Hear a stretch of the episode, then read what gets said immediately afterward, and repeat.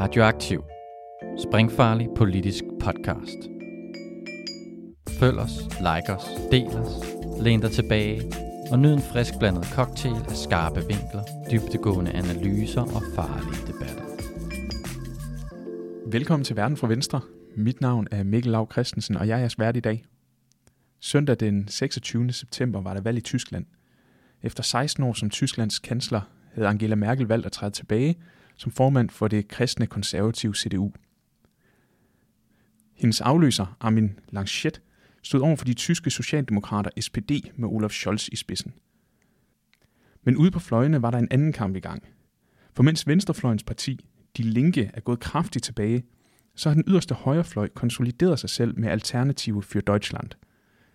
Det har de gjort ved at kapre folk fra fattige og udsatte grupper og formået at give dem en tro og et håb på bedre tider. Men hvorfor er det, at netop højrefløjen har en særlig appel her, og har venstrefløjen tabt kontakten med arbejderklassen? Det vil jeg i dag snakke med Solidaritet.dk's ansvarshævende redaktør Morten Hammeken om. Velkommen til, Morten.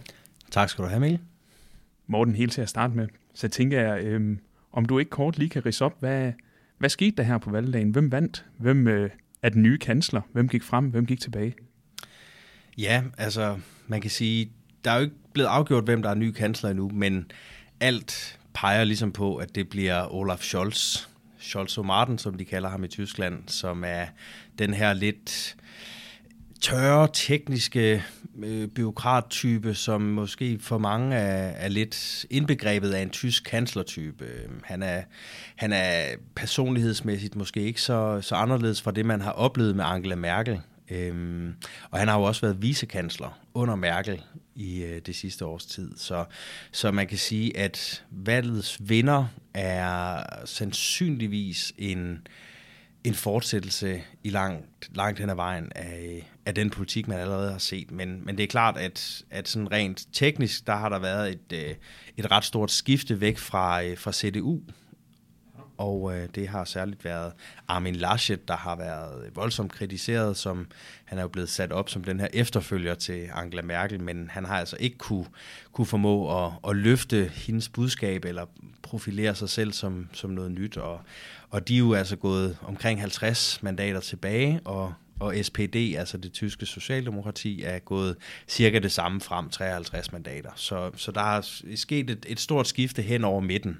Og det er for SPD, at Scholz han sidder?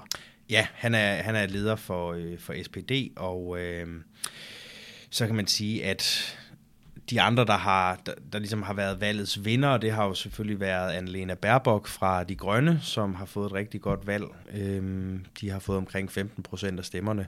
Men det er alligevel ikke et valg, som er helt... Altså selvom, selvom det selvfølgelig er et godt resultat for De Grønne, så havde de måske håbet på endnu mere, fordi hvis man kigger bare 4-5 måneder tilbage i meningsmålingen, jamen, altså, så stod De Grønne virkelig til et kanonvalg. Der, der stod de faktisk til at kunne blive det største parti i Tyskland. Mm. Øhm, og var og var også større end SPD, så man kan sige, at den, det forspring har, er ligesom blevet spist, og, og mange af de vælgere er så gået over til SPD alligevel. Så, øh, men, men stadigvæk stort valg for de grønne, og selvfølgelig også en lille fremgang til det her øh, liberale parti, der hedder FTP, øh, som er en slags øh, venstre i Tyskland, kan man sige sådan lidt forenklet. Ved vi, hvem de vil samarbejde med SPD? Jamen, altså man kan sige, at Olaf Scholz, han holder jo selvfølgelig alle øh, kort lidt åbne, fordi han heller ikke har sikret sig noget valggrundlag endnu, så, så det bliver han også lidt nødt til. Øhm, der er ingen tvivl om, at det kommer til at blive en midtersøgende regering, øhm, som sandsynligvis vil prøve at søge en koalition med, med de grønne og med FDB. Øhm, eller FDP, undskyld. Øhm, så, man, så man snakker jo om, øh, om de her mange forskellige konstellationer i tysk politik, hvor der har været alle de her forskellige farvekonstellationer, om det skulle være en Jamaica-regering, eller en GroKo-regering, eller hvad det var. Men, men, men det kunne godt se ud som om, at det blev det, man så kalder en trafiklysregering. Altså de røde fra SPD, og de gule fra FDP, og så Annalena Baerbocks øh, grønne. Mm.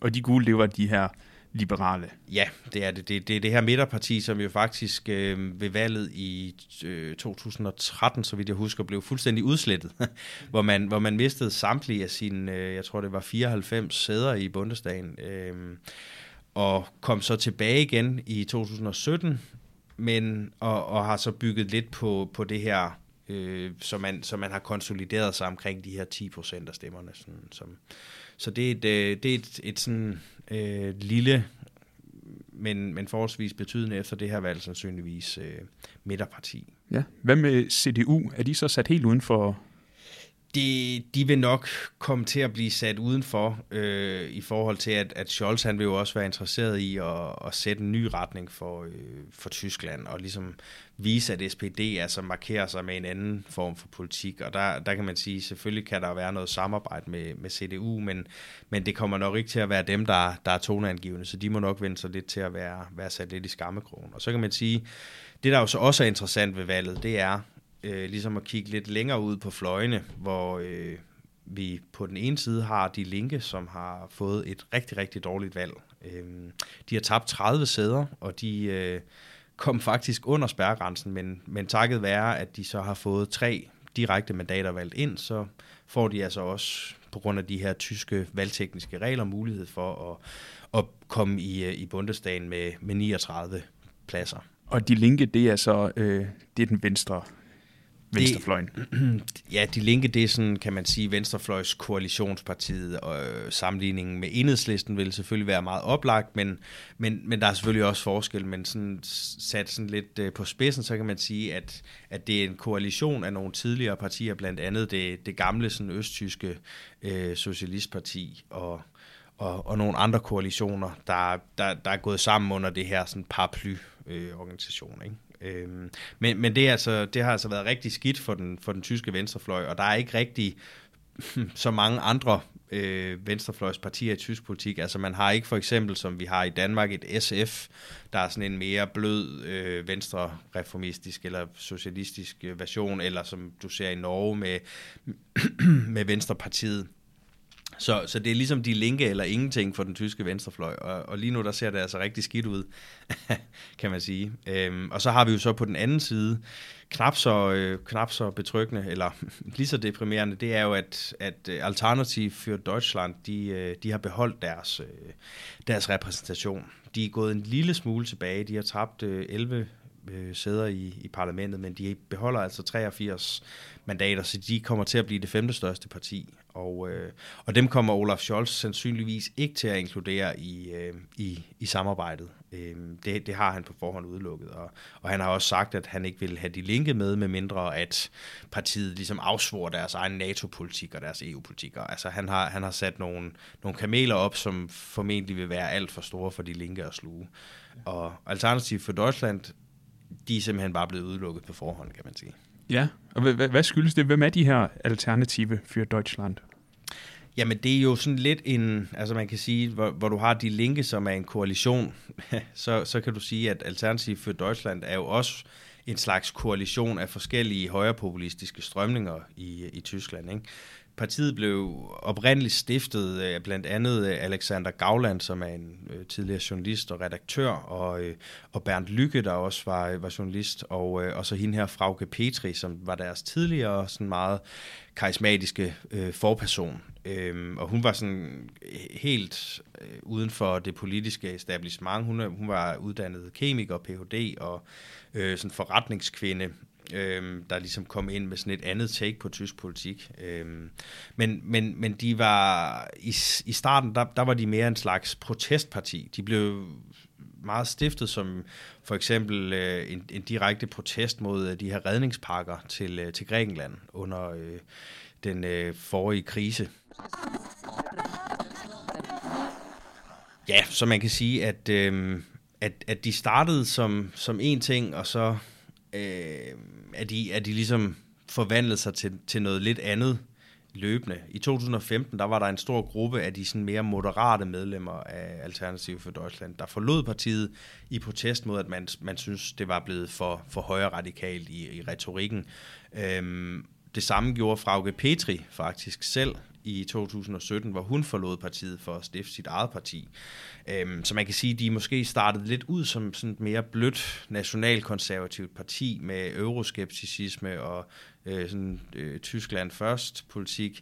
Og så har man rykket sig mere ud til højre, både som, som resultat af nogle af de her magtkampe, blandt andet imellem øh, Frauke Petri og øh, Bernd Lykke, øh, men, også, men også på baggrund af den politiske situation, der måske kan sige sig at have radikaliseret partiet. Og det var jo særligt øh, flygtningekrisen øh, i 2015, der, der for alvor gav, gav vind i sejlene til, øh, til AFD. Ja. Hvordan, hvor, hvor ligger de henne? Sådan, snakker vi Dansk Folkeparti-retorik, eller er vi helt over i noget ja, øh, stram kurs Paludan? Mm.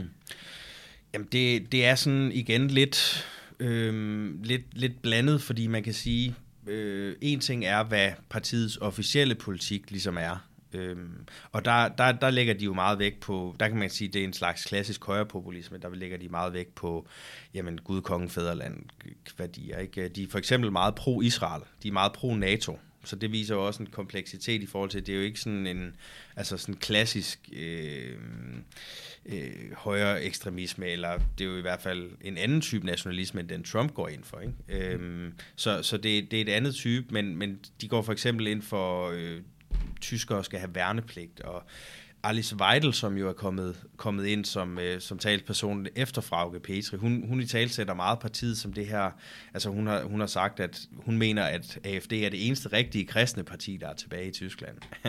og, så de, de ser meget sig selv som sådan en slags forsvar af en, af en specifik tysk identitet, som er meget bundet op på kristendom, og der kan du jo så lave parallellen til, til Morten Messerschmidt, øhm, men, men, men det er i hvert fald det her med, med de meget traditionelle familie, øh, familieværdier, som, som også øh, skal man huske på, har en anden vægt i Tyskland, end det måske har i Danmark. Ikke? Altså, der er en mere konservativ kerne i, øh, i Tyskland, særligt i, øh, i det sydlige Tyskland, øh, hvor, hvor det her med de traditionelle familieværdier altså resonerer på en anden måde. Så har du så sådan nogen som øh, Bjørn Høgge og øh, Andreas Kalbitz, der øh, i øvrigt, hvis man prøver at google et billede af ham, så, så ligner han Heinrich Himmler på en prik og gør en stor øh, dyd ud af det. Øhm, men altså de her folk, der er medlem af, af det, der hedder De Flygel, som nu er blevet øh, forbudt, men som altså på tysk betyder fløjen, og som udgør omkring 20 procent, eller har gjort af, af AFD's medlemmer. Og det er altså her, vi finder de rigtig højre radikale, med, med direkte forbindelser til nazister, øh, og den nazistiske undergrund i, øh, i Tyskland, blandt andet Bjørn Høgge, Øh. Så der er altså nazistiske tendenser at, at spore inden for det her alternative for Deutschland? Ja, det er der. Altså ikke, ikke i den officielle politik, men, men der er nogle helt klare forbindelser øh, i, i relationen imellem de folk, der repræsenterer partiets politik, og så øh, har man for eksempel haft nogle møder, hvor, hvor man har delt øh, en slags pang, moderne pangdang til, de styrmer ud, ikke? Det er den højre radikale avis, øhm, til møderne og sådan noget. Så, så man kan sige, at, at partiet kæmper jo måske lidt selv med det her image, øhm, og der kan man så sige, at en ting er, hvad, hvad Tino Kropala og Alice Weidel, altså deres nuværende ledelse, står for, men noget andet er, at der, hvor de altså har fået rigtig mange stemmer, det er i Sachsen og i øh, dele af det gamle Østtyskland, og det er jo altså Bjørn Høgges højborg. Øhm, så de folk, der sidder derovre fra de flygel, de har helt klart fået et, øh, et, et stærkere demokratisk mandat inden for øh, AFD, og, og, og de vil helt klart mene, at jamen, det er vores folk, der har sikret opbakningen til, ved det her valg. Ikke? Så, så, så der kommer til at være et pres fra, øh, fra den mere højre radikale del af AFD, fordi de netop har fået det her rigtig gode valg i, i Østtyskland. Så det er primært i Østtyskland, kan jeg forstå på dig. Hvad, øhm, hvad kan årsagen være til, at det, at det lige præcis er der, de har så stor succes? Jamen altså, det er jo, det er jo et, som jeg ser det, et, et meget øh, klassisk problem med, med fattiggørelse af tyskere, som vi har, vi har med at gøre her. Ikke? Øhm, hvis du læser opgørelserne over, hvordan tyskerne opfatter sig selv, så der bliver lavet sådan nogle undersøgelser hvert år, og der, der er der en klar tendens til, at østtyskere, altså stadigvæk her 30 år efter murens fald, betragter sig selv som andenrangsborgere, eller føler, at de bliver behandlet som en slags andenrangsborgere. Og det er klart, at det, det kommer også til udtryk i, jamen, hvordan er rigdommen fordelt i, øh, i Tyskland. Der er enormt mange fattige i, øh, i Østtyskland relativt til, til den vestlige del af landet og den sydlige del af landet. Ikke? Du, du har jo meget de her, øh, den vestlige del, og så har du Bayern øh, og, og Sydtyskland, der er lidt for sig selv, og så har du den, den østlige blok. Ikke? Øhm, og, og der har jo blandt andet været altså de her Hartz 4-reformer, øh, hvor man beskar den tyske udgave kontanthjælp kraftigt. Øh, det var blandt andet Olaf Scholz, der, der, der, der selv stod på mål for det, da han arbejdede for Gerhard Schröder i sin tid. Øh, så, så jeg, jeg tænker det rigtig meget som en funktion af mere ulighed i det tyske samfund, og, og, og at, at østtyskerne ikke føler, at de får øh, del i kagen simpelthen. Altså når man, og det er jo klart, at når, når du kan læse opgørelser over, at øh, hver fjerde person i Østtyskland har svært ved at betale elregningen hver måned, jamen så kan man ikke bruge det til noget. At man så sidder i den tyske tv-avis og læser om, at det går godt, og væksten stiger, og BNP'et går godt. Og, altså, de kan ikke bruge det til noget, at, at Porsche har, har plus på bundlinjen. Så, så for dem kan det også virke enormt provokerende, at, at der er den her fortælling om, om Tyskland som Europas powerhouse og Europas økonomiske magtcentrum, men de føler på ingen måde, at de får del i det her. Så det tror jeg er en stor del af forklaringen på, hvorfor øh, AFD er populær. Der kan man sige, at AFD, de er, jo et, de er jo et udtryk for nogle af de her strømninger i samfundet. Ikke? Øhm, og der kommer vi jo selvfølgelig heller ikke udenom den måde, som, som, øh, som den tyske regering under Merkel har håndteret øh, flygtningestrømmene til Europa, og, og hele det her med, at vi er schaffen das, ikke? altså vi klarer det. det. Det har også været meget provokerende for mange tyskere, der har siddet og tænkt, jamen vi kan ikke klare det, hvordan skal vi kunne, kunne klare at tage flere ind, når vi knap nok kan ja, klare at at, at betale varmeregningen. Ikke? Så, så der er mange, øh, der er mange sådan frustrationer, der, der kommer til udtryk i det. Ja. Jeg tænker på det, du siger her med, at det er især i Østtyskland, de er populære, og det her med, at det hænger sammen med en, en, en, en fattigdom og en frustration med, øh, med sådan de, de økonomiske tilstande. Hvorfor er det, at venstrefløjen ikke er mere til stede? Venstrefløjen går tilbage. Det bør da være netop her, at venstrefløjen, historisk set i hvert fald, slår sig op på, ikke?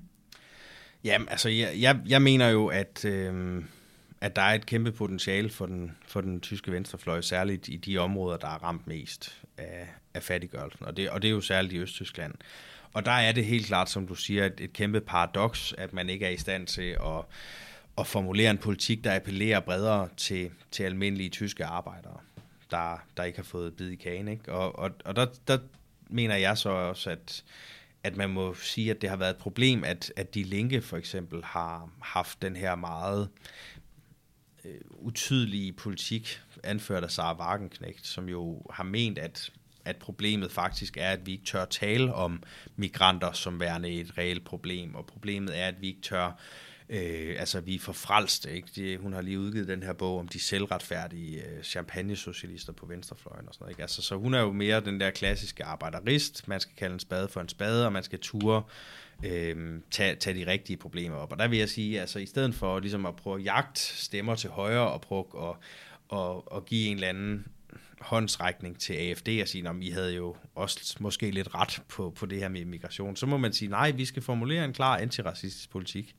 Vi skal simpelthen gøre det klart for de tyske vælgere, at øh, det ikke er fattige arbejdere, der flygter fra klimakrise og tørke, der er problemet. Det er de rige, for nu at sige det sådan lidt, øh, lidt hårdt.